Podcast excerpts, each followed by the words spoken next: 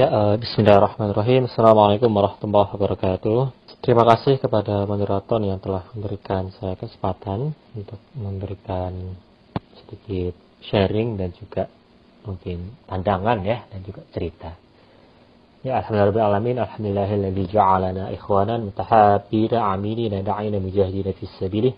Asyhadu an la ilaha illallah syahadatan sidqin wa haqqin wa asyhadu anna Muhammadan abduhu wa rasuluhu wa wa'adil amin. Ya, uh, pada kesempatan kali ini, alhamdulillah Allah Subhanahu wa masih memperkenan kita untuk bersilaturahim walaupun dari jarak jauh ya, dengan melalui WhatsApp discussion group. Semoga ini bisa menjadi sarana bagi kita untuk mendapatkan ilmu ya dan bisa bermanfaat buat teman-teman semua dan semoga Allah Subhanahu wa memberikan kekuatan untuk bisa mengamalkannya. Jadi insya Allah saya akan menyampaikan uh, materi tentang rencana kontribusi unggulan seperti yang diminta oleh teman-teman panitia. Sebelum saya menyampaikan materi tersebut, mungkin sedikit disclaimer ya. Mungkin ya, seperti ini panitianya uh, salah satu dari anggota lead circle-nya Kang Muhammad Elvandi, saya kurang tahu. Tapi bisa jadi juga didapatkan dari membaca bukunya beliau, ya sang pemuda. Jadi Kang Muhammad Al-Fandi ini adalah salah satu uh, tokoh yang menggagas komunitas Elite Circle dan juga Manu Community. Beliau adalah lulusan dari Al-Azhar Kairo dan juga S2-nya di Manchester dan juga Prancis tentang kebijakan publik dan juga tentang filsafat di Prancisnya. Beliau sudah menggagas komunitas ini sejak dua tahunan terakhir. Ya. Saya sendiri sebenarnya bukan bagian dari komunitas tersebut, namun sudah membaca bukunya uh, sampai habis, buku Sang Pemuda. Jadi uh, ke depan yang akan saya sampaikan di sini adalah menyampaikan kembali apa yang disampaikan oleh Kang El, cuman akan saya akan sadur sedikit uh, sesuai dengan pandangan saya. Jadi silakan teman-teman jika apa yang saya sampaikan ini bermanfaat silakan diterima dan juga diaplikasikan. Namun jika memang tidak sesuai ya silakan direnungi dan mungkin silakan dibandingkan dengan apa yang disampaikan oleh Kang El. Karena selain saya sadur, saya juga akan menggabungkan dengan konsep-konsep tentang fitrah yang disampaikan oleh Pak, Pak Hari Santosa. Ya. Beliau menggagas komunitas juga tentang fitrah education life ya. Jadi beliau membuat dua buku sampai saat ini yaitu fitrah based education dan juga fitrah based life. Ya. Jadi saya akan menggabungkan dua uh, pemikiran kedua tokoh ini ditambahi dengan uh, pandangan-pandangan saya. Jadi semoga teman-teman bisa menikmatinya dan juga bisa memahami dengan baik uh, apa yang akan saya sampaikan pada malam hari ini. Ya, insya Allah. Baik, materi saya uh, akan dimulai dari uh, pemahaman filosofis ya tentang bagaimana seharusnya kita bisa memahami diri kita dan juga kehidupan uh, dunia ini ya yang telah Allah berikan kepada kita setelah kita diciptakan. Ya. Kalau dalam bahasanya Kang Afandi, ya, beliau menyebutnya sebagai visi global Islam. Dan nanti akan diturunkan di dalam tiga core filosofi, ya, yaitu uh, ibadah, khalifah, dan juga rahmah. Ya kan? Tapi di sini yang ingin saya sampaikan terlebih dahulu agar lebih detail, ya, bahwa yang namanya uh, visi global Islam tadi seharusnya kita pahami dalam tiga konteks pemaknaan teman-teman semua. Ya. Apa sih tiga konteks pemaknaan tersebut? Ya. Jadi tiga konteks pemaknaan tersebut adalah bagaimana kita bisa memahami tiga uh, sudut pandang dalam menjalani hidup, ya. Yaitu adalah the purpose of life, ya. Yang pertama, lalu yang kedua adalah the mission of life, dan yang ketiga adalah the vision of life. Ya. Jadi purpose adalah maksud. Maksud kenapa Allah sih menciptakan kita, mission itu adalah tugas. Jadi tugas hidup kita apa? Dari maksud Allah menciptakan kita itu. Lalu vision kita apa? Cita-cita kita apa? Ya. Kalau dalam bahasanya Kang El, vision ini adalah rencana kontribusi unggulan. Ya. Jadi kita harus memahami tiga uh, makna ini secara uh, baik. Apa sih perbedaan antara uh, ketiga hal tersebut, ya, teman-teman semua. Jadi yang namanya the, the purpose of life ya, itu seharusnya guide guide us, ya, guides us. Jadi mengarahkan kita, ya. Jadi namanya purpose atau maksud kehidupan adalah otoritas Allah Subhanahu wa taala sepenuhnya atas kehidupan kita, ya. Jadi purpose itu adalah alasan Allah mengadakan ciptaannya, mengadakan makhluk ya atau mengadakan manusia, ya. Mustahil teman-teman semua kita semua diciptakan tanpa adanya maksud atau purpose. Mengapa kita melakukan sesuatu, mengapa diri kita ada, mengapa kita mau melayani sesuatu, itu semata-mata demi sebuah maksud tertinggi, ya, atau the purpose of life. Ya. Ada sebuah alasan atau maksud Allah SWT mengadakan atau menghadirkan ciptaannya. Ya. Yaitu tiga. Ya. Ada tiga hal atau empat hal sebenarnya yang bisa bisa kita pahami bersama. Atau kemudian kita gabungin lagi jadi lima hal, teman-teman. Kenapa Allah SWT menciptakan kita? Dan kelima hal ini itu akan dikaitkan dengan tingkatan aktivitas kita selama menjalani kehidupan di dunia. Ya. Yang pertama adalah maksud Allah menciptakan kita itu adalah sebagai abid atau sebagai uh, ahli uh, yang, yang beribadah kepada Allah Subhanahu wa taala. Kan sudah jelas dari ayat Al-Qur'an, "Wa khalaqatul jinna wal insa illa liya'budun." Bahwa kita itu diciptakan manusia dan jin itu hanya untuk beribadah kepada Allah Subhanahu wa taala. Nah, inilah level paling rendah aktivitas kita sebagai seorang makhluk, sebagai seorang manusia itu beribadah kepada Allah Subhanahu wa taala. Tapi ada juga level yang lebih tinggi, Ya, itu adalah disinyalir dari uh, disinyalir adalah ditadaburi dari percakapan Allah SWT dengan para malaikat ya. Dari soal Baqarah ayat 30 ya. Ayatnya adalah ini ja'ilun fil ardi khalifah ya kan. Terus bahwa sesungguhnya Allah Subhanahu wa itu akan menciptakan ya sebuah makhluk yang akan menjadi khalifah di muka bumi ya kan. Tapi malaikat bertanya ya kan. Ada ja'alu fiha may yasfiku dima gitu kan. Apa kamu akan menciptakan ya uh, makhluk yang akan merusak ya dan juga akan menghancurkan bumi kembali gitu kan ya. Nah di sini kita jadi dapat pemahaman bahwa yang namanya maksud dari maksud diciptakan di muka bumi ini adalah untuk menjadi sebagai khalifah. Dan khalifah ini bukan sederhana kita menciptakan khalifah di tatanan negara bangsa, bukan bukan seperti itu. Tapi khalifah ini dalam artian kita menjadi pengelola bumi ini sebagai leader dari bumi ini. Dalam bahasa gampang ya khalifah adalah leadership. Menjadi pemimpin atas dunia ini gitu kan ya. Nah, karena pasti ada percakapan malaikat bilang, apakah Allah akan kembali makhluk-makhluk yang akan merusak dan juga menghancurkan bumi. Ya.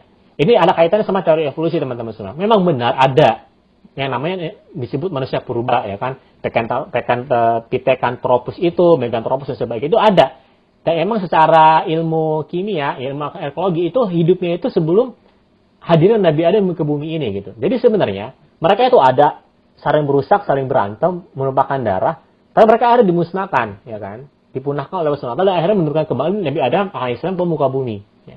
Jadi kita bukan nenek moyang, kita bukan uh, keturunan dari nenek moyang manusia purba, tidak. Kita adalah uh, uh, keturunan dari Nabi Adam alaihissalam. Ya. Itu yang kedua, teman-teman semua. Purpose dari uh, penciptaan kita di dunia ini. Yang ketiga adalah kita ini diciptakan, ya, itu sebagai uh, rahmat bagi semesta alam. Ya. Wa ma arsalnaka ila rahmatan alamin. Ini ayat yang disampaikan oleh Rasulullah SAW kepada Nabi Muhammad. Bahwa Nabi Muhammad itu di, diutus untuk sebagai rahmat bagi semesta alam. Nah, karena kita mendapati uh, yang namanya tugas sebagai untuk pengembangan risalah Nabi Muhammad juga, maka kita juga bertugas sebagai rahmat bagi semesta alam. Objeknya adalah semesta alam, bukan hanya manusia saja. Bahkan alam sekalipun, binatang, tumbuhan, dan juga sebagainya. Itu yang ketiga. Yang keempat adalah sebagai imamah. Ya, secara spesifik sebagai leader ini uh, kita derivasi dari doa yang disampaikan oleh Nabi Zakaria. Rabbana hablana min azwajina wa dzurriyyatina qurrata a'yun waj'alna muttaqina imama. Jadi kami sebagai orang seorang pemimpin. Jadi maksud Allah sebagai kita sebagai seorang pemimpin ya. Selain sebagai seorang khalifah atau pengelola. Baru yang kelima adalah sebagai imarah wasta'marakum biha ya kan sebagai pengatur dalam kehidupan dunia ini. Jadi kita ini diciptakan ya sebelum kita membahas kontribusi unggulan ya diciptakan untuk menjalani lima hal tersebut maksudnya sebagai uh, abid beribadah, khalifah, ya kan? Kemudian rohmah, kemudian adalah sebagai imamah dan juga sebagai imarah. Lima hal tersebut teman-teman. Dan lima hal ini ya. Kemudian karena adanya maksud penciptaan, maka setiap penciptaan makhluk itu atau manusia ini itu pasti memiliki misi atau tugas atau aktivitas yang selaras dengan yang dimaksudkannya itu. Jadi misi hidup kita ini harus selaras ya dengan maksud penciptaan kita ya kan? Maka selain adanya purpose, pasti ada misi. Setiap purpose pasti mengendaki misi. Ya, agar purpose kita tercapai, maka misi kita harus accomplish, ya, harus berhasil. Ya. Nah, selanjutnya yang kita bahas adalah tentang misi. Jadi apa sih the mission of life itu? Ya. Nah, teman-teman semua, setelah kita tadi memahami uh, the purpose of life kita, maksud Allah menciptakan kita di muka bumi ini, maka kita harus memahami apa sih sebenarnya the mission of life itu. The mission of life itu seharusnya mendrive kita, teman-teman. Jadi misi atau mission ya adalah tugas untuk menyelesaikan, to accomplish maksud atau purpose yang sudah Allah tetapkan kepada kita. berupa sesuatu yang berbeda ya atau unik dan spesifik yang kita jalani untuk suatu perubahan yang akan terjadi. Misi kita adalah apa yang mendrive kita setiap hari untuk memenuhi purpose kita. Misi sering disebut sebagai our call atau panggilan langit. Misi adalah alasan keberadaan atau alasan kehadiran kita di dunia secara umum. Sebagai khalifah oleh muka bumi, sebagai ibad, sebagai abid, sebagai rahmah, sebagai imarah atau sebagai imamah, ya kan. Jadi secara khusus, ya, kalau misalnya sebagai khalifah Allah, maka setiap manusia itu harus memerankan tugas spesifiknya untuk memakmurkan bumi atau menyelamatkan manusia atau menyuruh kebenaran. Ya. Maka dengan demikian, teman-teman semua, misi itu harus datang lebih dahulu daripada visi, ya, atau cita-cita, dan tentunya lebih penting dari visi. Ya. Misi adalah sebuah jalur langsung antara purpose kita dan juga visi. Jadi penyambung. Ya. Misi hidup adalah roadmap atau peta jalan untuk melakukan apa yang benar-benar penting sejatinya dan diridhoi oleh Allah taala dan berusaha menghilangkan halangan. Ya. Misi adalah alasan keberadaan agar memiliki aktivitas atau amal atau peran sesuai yang dimaksud. Ya. Jadi kalau misalnya teman-teman bingung ya, di sini saya sampaikan bahwa yang namanya visi itu lebih rendah daripada misi dan lebih rendah lagi daripada atau maksud. Mungkin kebanyakan sering, ya, sering kali kita memahami bahwa yang namanya visi dalam organisasi itu selalu lebih tinggi kan daripada misi. Nah itu memang benar adanya secara konsep manajemen. Ya, karena itu dilakukan oleh satu pihak organisasi tersebut. Ya. Tapi dalam konsep manajemen yang lain, ya kan, ada yang namanya uh, konsep visi misi itu, ya itu antara dua pihak. Nah di sini kenapa saya menyebutkan ada maksud, tugas dan juga cita-cita dari penciptaan itu, ya itu adalah berkaitan sama kita sebagai manusia dan Allah Subhanahu wa taala ya. Allah punya maksud menciptakan kita. Maka kita punya misi untuk bisa menuntaskan misi kita ini agar tercapailah maksud Allah menciptakan kita. Nah, misi kita ini bisa dijalani dengan cita-cita kita, aspirasi kita. Ya kan? Apa sih kontribusi kita di dunia ya? Kalau kata bahasa Kang Fandi, karena kontribusi unggulannya itu. Ya. Jadi yang namanya misi itu yang menyambungkan antara visi kita sebagai pihak yang lain yaitu Allah Subhanahu wa taala untuk bisa mencapai maksudnya. Makanya misi itu lebih tinggi daripada visi. Nah, maka dari itu the vision of life itu ya adalah what we aspire to be gitu kan. Jadi apa yang kita aspirasikan untuk menjadi di dunia ini. Apa sih kontribusi kita? Apa sih aspirasi kita dalam menjalani hidup ini ya. Jadi visi itu adalah sesuatu yang kita cita-citakan teman-teman ya. Bisa cita-cita kita adalah destinasi tempat di mana kita akan ada jauh di masa depan dan bagaimana kontribusi kita dalam menjalani hidup ya, atau hasil-hasil yang ingin dicapai atau ukuran-ukuran yang berdampak pada apa yang akan dibuat ya. Jadi visi inilah yang menjelaskan arah dan yang akan diarahkan teman-teman. Ini adalah proses yang berkelanjutan dari menjelaskan misi atau tugas kita atau tujuan kita. Jadi visi membuat kita tetap berada di jalur untuk memenuhi tujuan kita. Ya, visi harus merupakan hasil dari misi. Jika tidak, maka visi menjadi obsesi tanpa makna. Ya. Berapa banyak orang-orang yang tercapai cita-cita atau mimpi atau visi ya, namun menemui kehampaan atau ketidakbahagiaan ya. Sedangkan langkah-langkah mewujudkan visi itu disebut strategi, bukan misi sebagaimana kita pahami, gitu kan. Jadi ada banyak sekali orang-orang ya yang itu selama mereka hidup di dunia, mereka berhasil bisa mencapai cita-cita mereka ya di dunia. Tapi misi mereka nggak berhasil sukses untuk bisa mencapai maksud Allah menciptakan mereka, gitu kan maka mereka akan tidak selamat di, di akhirat nanti. Tapi ada juga orang yang walaupun cita-citanya itu tidak tercapai dunia, tapi mereka bisa menjalankan misi mereka. Maka mereka akan selamat di akhirat. Tapi ada yang lebih baik lagi teman-teman. Mereka itu berhasil di dunia, gitu kan ya. Dan mereka juga bisa selamat di akhirat, gitu kan ya. Karena apa? Visi mereka selaras dengan misi mereka untuk bisa menuntaskan maksud Allah menciptakan mereka. Jadi seperti itu ya teman-teman semua. Makanya doa-doa yang selalu kita bacakan Rabbana atina fid hasanah wa fil akhirati hasanah itu kan. Ya Allah karuniakanlah saya kebaikan di dunia maupun di akhirat. Ya kan? Ini nih yang sering kali yang sering kali orang lupakan ya. Padahal kita doa itu terus-menerus setiap hari kan ya. Doa yang paling populer bahkan di antara umat Islam saat ini gitu kan ya.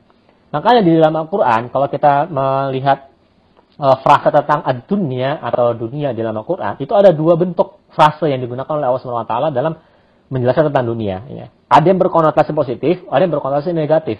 Yang berkonotasi, berkonotasi, berkonotasi positif itu selalu menggunakan kata ad-dunya saja, dunia. Contohnya, itu di surah Al-Qasas setelah cerita tentang Korun yang e, menceritakan tentang kehidupan duniawi yang, yang mana merupakan beliau ini adalah orang paling kaya karena memiliki banyak harta ya kan? Suatu contoh keteladanan sukses di dunia gitu kan ya. Tapi setelah cerita korun itu Allah bilang wala tansa nasibaka fid dunia gitu kan ya. Walaupun korun demikian mereka dia ada di azab di telan bumi gitu. bukan berarti kita nggak boleh punya harta gitu kan. Bukan berarti kita nggak boleh sukses di dunia gitu kan. Dan janganlah kamu melupakan nasib kamu wala tansa nasibaka fid dunia di dalam dunia ya kan. Jadi semua kata frasa ad-dunia di dalam Al-Quran itu masih berkonotasi positif seperti ayat ini. Tapi ada juga yang berkonotasi, berkonotasi negatif itu hayatid dunia, hayatid dunia, kehidupan duniawi. Itu pasti selalu berkonotasi berkonotasi negatif. Jadi yang awal larang itu adalah kehidupan duniawinya, bukan dunia yang dilarang. Ya. Jadi ini yang sering kali kita lupakan ya. Maka salah satu cara kita untuk bisa mencapai uh, misi hidup kita adalah dengan visi kita, cita-cita kita. Itu adalah kontribusi unggulan kita akan kita bahas lebih lanjut uh, pada saat ini. Ya, insya Allah. Nah, teman-teman teman-teman semua selanjutnya kita akan membahas lebih lanjut ya mengenai apa sih yang namanya RKU itu atau rencana kontribusi unggulan. Seperti tadi saya sebut sampaikan sebelumnya di awal bahwa yang namanya RKU ini itu awal mula digagas oleh Kang Muhammad Elfandi ya. Walaupun sebenarnya saya saya sadar beberapa pada materi kali ini ditambahin juga dari pemikiran uh, Pak Hari Santosa yang membuat Fitrah Based Education and Fitrah Based of Life. Jadi teman-teman semua, sebelum kita memahami tentang rencana kontribusi unggulan, ada perbedaan antara cita-cita dan juga kontribusi. Yang tadi saya sampaikan, the vision of life tadi, ya, itu bukan cita-cita, ya, maksud saya, tapi adalah kontribusi, ya, kontribusi. Cita-cita itu mungkin bisa menjadi guru, menjadi pilot, gitu kan ya, menjadi dokter, gitu kan ya. Tapi ketika kita mendefinisikan semua profesi-profesi tersebut, ya, itu bukan kontribusi teman-teman. Tapi itu adalah cita-cita, ya, profesional, ya. Jadi profesi, ya kan. Ketika kita mendefinisikan suatu profesi, maka itu cita-cita, bukan kontribusi, ya. Kalau misalnya jadi dokter misalnya, apa sih kontribusinya gitu loh. Jadi dokter banyak yang jadi dokter, cuma nggak semua orang berkontribusi ketika menjadi dokter. Ada yang bisa berhasil membuat vaksin, maka dia berkontribusi. Misalnya adalah membuat vaksin virus uh, eh, COVID-19 ini gitu kan. Ada menjadi pilot gitu kan, atau ada menjadi engineer. Tapi dia, dia, dia tidak berkontribusi gitu kan. Kontribusi itu mungkin mungkin seperti Habibie. Dia membuat merumuskan yang namanya persamaan crack, gitu kan. Dikenal Mr. Crack. Ya kan sehingga pesawat tidak uh, apa goyang-goyang lagi ya kalau tidak salah gitu kan. Tetap stabil ketika terbang di udara gitu kan. Itulah perbedaan cita-cita dan juga uh, kontribusi. Dalam bahasa Arab, teman-teman semua, yang namanya kontribusi itu disebut isaha asahamat gitu kan ya. Kalau dalam Cambridge Dictionary, kontribusi adalah something that you contribute or do to help produce or achieve something together with other people or to help make something successful gitu kan ya.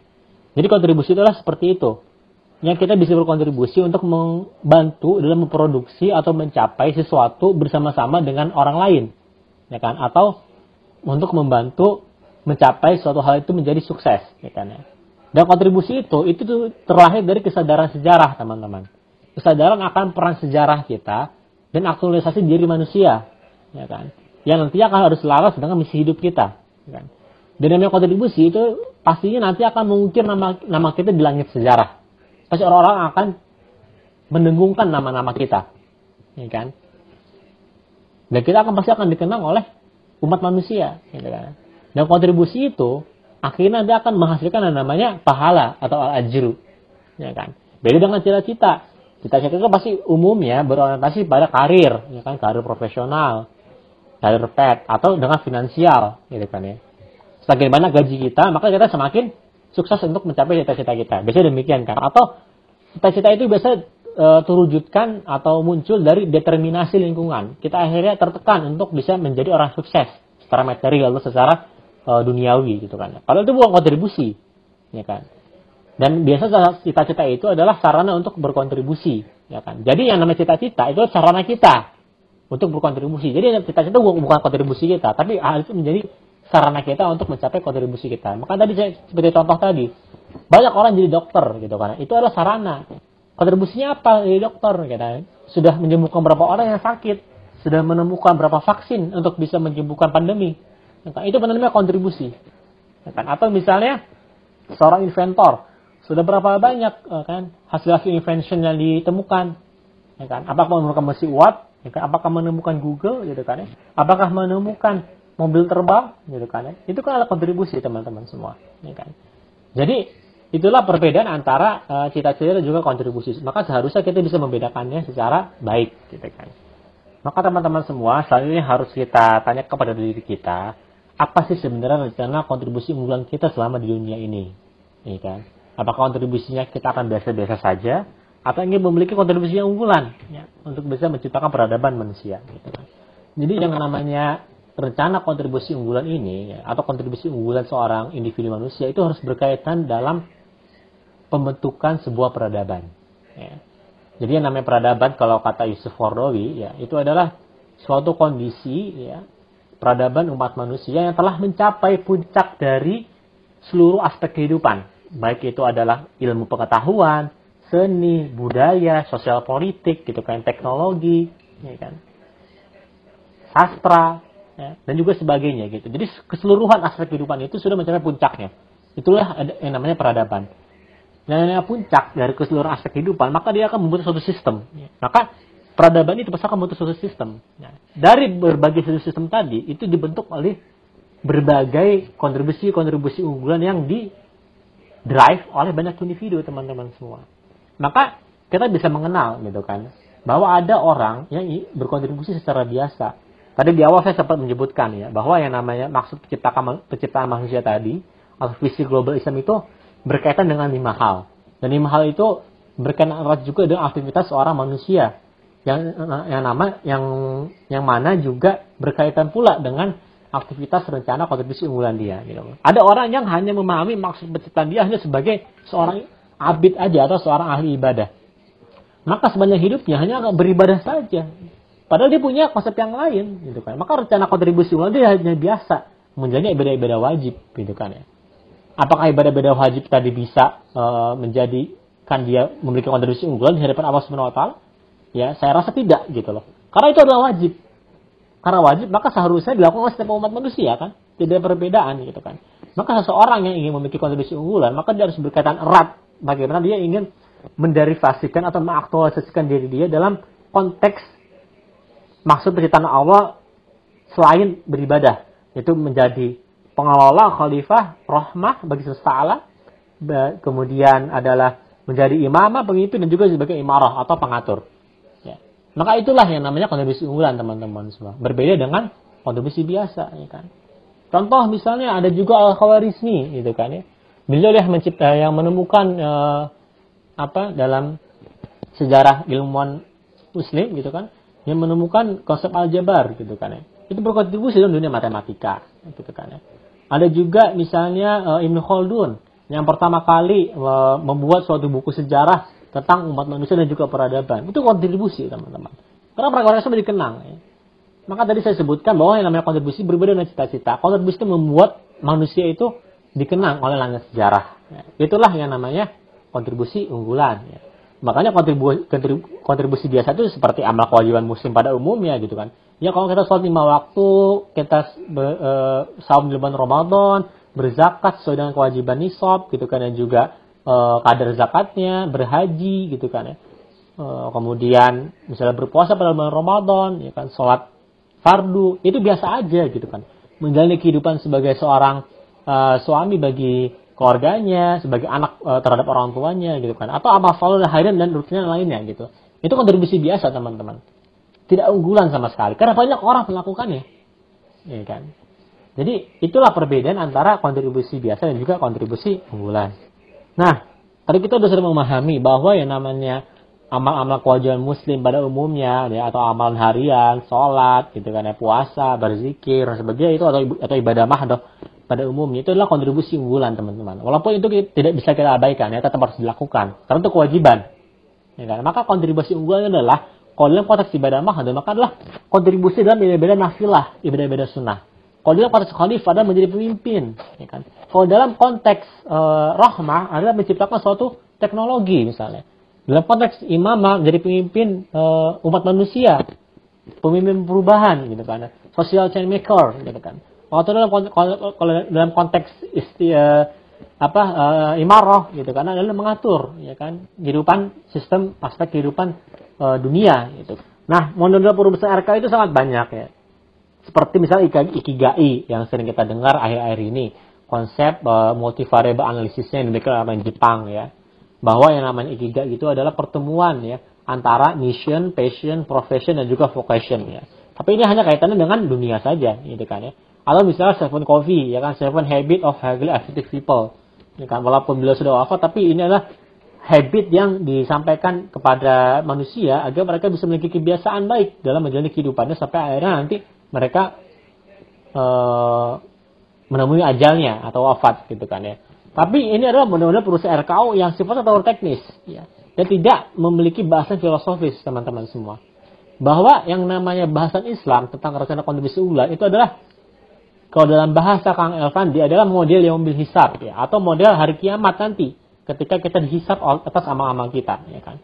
Bagaimana kita nanti di padang mahsyar gitu kan ya dikumpulkan oleh Subhanahu wa taala dihisap atas amalan-amalan kita, baik itu amalan buruk maupun amalan baik ya kan. Yang kelak nantinya gitu kan ya akan diuji mana yang paling banyak amalannya, mana yang paling sedikit amalannya, mana yang paling banyak dosanya, mana yang paling sedikit uh, dosanya gitu kan ya. Walaupun demikian tetap sebagai akidah kita, kita itu di ketika nanti dia menghisap harapan kita adalah untuk mendapatkan rahmat Allah SWT dari surga. Walaupun kita tidak pernah bisa mendapatkan surga hanya dengan amalan kita. Ya. Nah, tidak akan pernah cukup. Ini akidah teman-teman semua. Kita itu bisa kelak nanti akan masuk ke dalam surga Allah SWT karena rahmat Allah SWT. Ya. Bukan karena amal-amal harian kita gitu kan. Ya. Maka dari itu, ketika amal-amal harian ini ya kan e, tidak bisa membeli surga ya bahasa gampang ya gitu kan karena tidak akan pernah cukup atas semua karunia yang telah Allah berikan selama kita hidup di dunia, maka seyogianya kita memiliki kontribusi unggulan, teman-teman, selama kita hidup di dunia, ya kan. Nah, kontribusi unggulan ini adalah untuk membayar rahmat Allah SWT. Gitu loh maksudnya. Nah, karena kita memiliki kontribusi unggulan, maka rahmat Allah SWT akan hadir di tengah kita nanti ketika yang berhisap, sehingga kita bisa masuk dalam surga Allah SWT. Inilah rumus dari untuk bisa menciptakan yang namanya kontribusi unggulan. Jadi basis kontribusi unggulan itu harus di generate dengan model yang menghisap agar kita kelak nanti mendapatkan rahmat Allah Subhanahu wa taala agar kita nanti bisa mempersembahkan kontribusi kita yang unggul sama di dunia kepada Allah Subhanahu wa taala sehingga kita layak untuk mendapatkan rahmat Allah Subhanahu wa taala gitu loh. Walaupun kontribusi unggulan kita di dunia besar gitu kan, tetap akan sangat kecil nanti di hadapan Allah Subhanahu wa taala. Tapi setidaknya kita memiliki kontribusi unggulan selama kita hidup di dunia. Ya. Jadi seharusnya seperti itu. Ya. Karena nanti konsep pahalanya akan sangat besar gitu kan ya. Kan kita pernah mendengar uh, hadis Nabi Shallallahu Alaihi Wasallam ya mengenai pahala gitu kan bahwa yang namanya pahala ya itu selalu memberikan pahala multi level gitu kan. Maksudnya gimana ya kan? Jadi ada hadis dari Rasulullah SAW ya beliau bersabda bahwa man sanna ya, fil Islam sunatan hasanatan falau ajruha wa ajru man amila biha min ba'di min gori ayyang kusu min ujurihim syai' Wa man sanna fil Islam sunnatan sayyi'atan fa'alaihi wazruha wa wazri man amila biha min ba'di min ghairi ayyan qusu min. Apa artinya? Gitu kan ya. Jadi barang siapa yang membiasakan kebiasaan yang baik dalam Islam, maka untuknya balasan ya. Karena mengamalkannya dan balasan siapa pun yang mengamalkannya. Setelahnya tanpa mengurangi balasan mereka yang mengikuti amalannya sedikit pun. Begitu juga dengan keburukan. Barang siapa yang membisanya kebiasaan buruk dan orang lain mengikuti kebiasaan buruk itu, maka dia akan berdosa ya, atas orang yang mengikuti dia tanpa mengurangi dosa yang orang mengikuti tersebut gitu loh. Jadi pertanyaannya adalah kita mau dikenang dengan apa gitu kan? Dengan kontribusi unggulan tentu saja gitu kan. Yang bisa menghasilkan pahala berlipat ganda. Coba bayangkan teman-teman ya. Ketika nih ya Al-Hawarizmi bisa menciptakan berkontribusi secara unggul di dalam dunia matematika tentang aljabar ya maka setiap orang yang generate teman-teman baru dalam konsep aljabar dan setiap orang yang memberikan manfaat bagi manusia dengan konsep aljabar maka al dapat pahala itu ya. seperti itulah pahala dalam konsep Islam ya. jadi seharusnya demikian atau bisa barang siapa yang mengikuti jejak kehilafan peradaban Turki ketika dulu akhirnya dibebaskan Konstantinopel oleh Muhammad Al-Fatih. Sebanyak apa itu pahalanya Muhammad Al-Fatih? Sebagai kontribusi unggulan dia, ya kan. Maka saya ingin bisa men, uh, salah satu lagi contoh teladan yang harus kita bisa ikuti selain Baji Habibie yang sudah memiliki kontribusi unggulan sejak kecil, itu adalah Muhammad Al-Fatih. Muhammad Al-Fatih itu sejak kecil dia sudah didik dengan baik gitu kan ya, bahwa dia harus memiliki kontribusi unggul itu untuk membebaskan membebaskan kota Konstantinopel gitu kan itu terngiang selalu dalam kehidupan dia gitu kan maka pertanyaan lah apakah kita sudah memiliki kontribusi unggul yang sama dengan ha, Muhammad Al-Fatih dan juga para inventor-inventor lainnya yang sudah memiliki sejarah panjang dalam kehidupan dia sehingga dikenang oleh umat manusia gitu kan Nah teman-teman semua, para pahlawan dalam pentas sejarah umat manusia itu selalu memiliki rencana kontribusi unggul dalam hidupnya. Ya. Kita tahu para ulama menghasilkan banyak kitab-kitab seperti Imam Bukhari. Dan sejak awal beliau ini sudah mendedikasikan hidupnya untuk mengumpulkan, mengkompilasi seluruh hadis-hadis sahih dari Nabi Muhammad SAW. Itulah kontribusi unggulannya Imam Bukhari. Begitupun juga dengan Imam Muslim dan juga Imam, Imam hadis yang lainnya. Ada juga misalnya para pembebas seperti Umar Al-Fatih dan juga Salah Al-Ayubi. Mereka berdua memiliki kondisi unggul untuk membebaskan Konstantinopel dan juga membebaskan Al-Aqsa atau Palestina, gitu kan. Ada juga tadi B.J. Habibie memiliki kondisi unggul untuk menciptakan industri pesawat terbang, gitu kan. Ada juga misalnya yang lain, para founding father kita, gitu kan ya. Eh, pembebas kemerdekaan Indonesia, mereka punya kontribusi unggul untuk memerdekakan Indonesia dari penjajahan Belanda dan juga Jepang, gitu kan. Nah pertanyaannya adalah kita ini sudah punya kontribusi unggul atau tidak gitu kan ya. Dan bagaimana sih sebenarnya kita uh, rumuskan ya rencana kontribusi unggulan tadi gitu kan. Nah sebenarnya ada uh, lima hal yang seharusnya kita bisa pahami dalam uh, merumuskan yang namanya kontribusi unggulan. Yang pertama adalah taufik robbani yang tadi saya sampaikan ya bahwa yang namanya kontribusi unggulan itu ya itu harus didapatkan ya berdasarkan hidayah kita dan hidayah yang kita terima dari Allah Subhanahu wa taala melalui Al-Qur'an, dari istikharah dan juga tawakal kepada Allah Subhanahu wa taala. Dan basisnya ada lima hal tadi yang tadi saya sebutkan di awal, visi global Islam, yaitu rencana kontribusi unggulan kita harus dikonteskan dengan sarana kita untuk beribadah kepada Allah Subhanahu wa taala sebagai bentuk kita untuk mewujudkan peran kita sebagai khalifah dan sebagai bentuk rahmat kita, rahmat bagi semesta alam dan juga sebagai bentuk kepemimpinan kita imamah dan juga sebagai pengatur atau istiqmaro markom biha atau imarah gitu kan. Jadi yang namanya rumus RKO harus berdasarkan koridor-koridor lima hal tadi. Itu yang pertama. Lalu yang kedua, merumuskan RKU ya, itu harus sesuai harus bisa diturunkan diderivasi dari tadabur kita akan sejarah khususnya sejarah biografi tokoh-tokoh pahlawan yang sudah memiliki kontribusi unggulan terhadap umat manusia. Maka perbanyaklah teman-teman saya membaca biografi para tokoh-tokoh. Ya dari para, dari khususnya yang paling, yang paling utama adalah sirah Nabawiyah. Itu yang yang dulu pertama kali kita harus pahami bagaimana Rasulullah SAW memiliki kontribusi unggulan untuk menyebarkan Islam ini ke seluruh penjuru dunia. Begitu juga dengan para sahabat ya kan, para salafus salih, para tabiin dan juga para tabi tabiin gitu kan. Dan juga tokoh-tokoh yang ini termasuk tokoh-tokoh barat bisa misalnya adalah Abraham Lincoln gitu kan ya atau George Washington gitu kan dan juga para pemimpin-pemimpin lainnya gitu kan. Silahkan gitu kan membaca para biografi tokoh tersebut yang sudah mencapai kontribusi unggulan mereka sesuai dengan bakat dan minat kita. Dan inilah e, faktor ketiga kita bisa menciptakan merumuskan RKU atau rencana kontribusi unggulan itu berdasarkan minat dan juga bakat kita. Ya kan? Apa sih minat kita, apa sih bakat kita? Maka sesuaikan bacaan kita ini dengan bacaan eh, sesuaikan bacaan tokoh-tokoh biografi ini sesuai dengan minat, minat dan juga bakat kita. Nah selain itu yang keempat adalah sesuaikan juga dengan keadaan saat ini, sesuai dengan lingkungan strategis, gitu kan ya. Yang namanya lingkungan strategis itu itu termasuk analisis geososial politikal. Bagaimana situasi keluarga kita, bagaimana lingkungan lokal tempat kita tumbuh, bagaimana sih krisis nasional saat ini dan juga krisis global setelah pandemi COVID-19 saat ini gitu kan ya. Dan juga tentang arah sejarah umat manusia, ya kan. Kita juga perlu untuk bisa yang kelima itu untuk merumuskan atau mengestimasi, memprediksi bagaimana masa depan manusia, umat manusia saat ini gitu loh. Maka kita perlu juga membaca tentang bagaimana prediksi umat manusia ke depannya gitu kan. Maka sesuaikan dengan hal tersebut rencana kondisi unggulan kita. Ya, jadi ada lima hal tadi ya. Taufik Robbani, Visi Global Islam, kemudian adalah dari bacaan sejarah, misalnya tokoh biografi, kemudian sesuai dengan minat bakat, yang keempat adalah sesuai dengan uh, apa namanya keadaan saat ini, lingkungan strategis, ya kan, analisis sosial e, geopolitikal. Yang keempat, yang kelima adalah sesuai dengan prediksi masa depan, sesuai dengan bacaan-bacaan sejarah umat manusia yang selalu berputar, ya kan. Kan yang namanya sejarah itu selalu berulang kan. The history repeats itself, gitu kan ya. Bahwa wakil ke ayamu nundalwa bainan nas. Bahwa namanya sejarah pasti akan selalu berulang, gitu kan.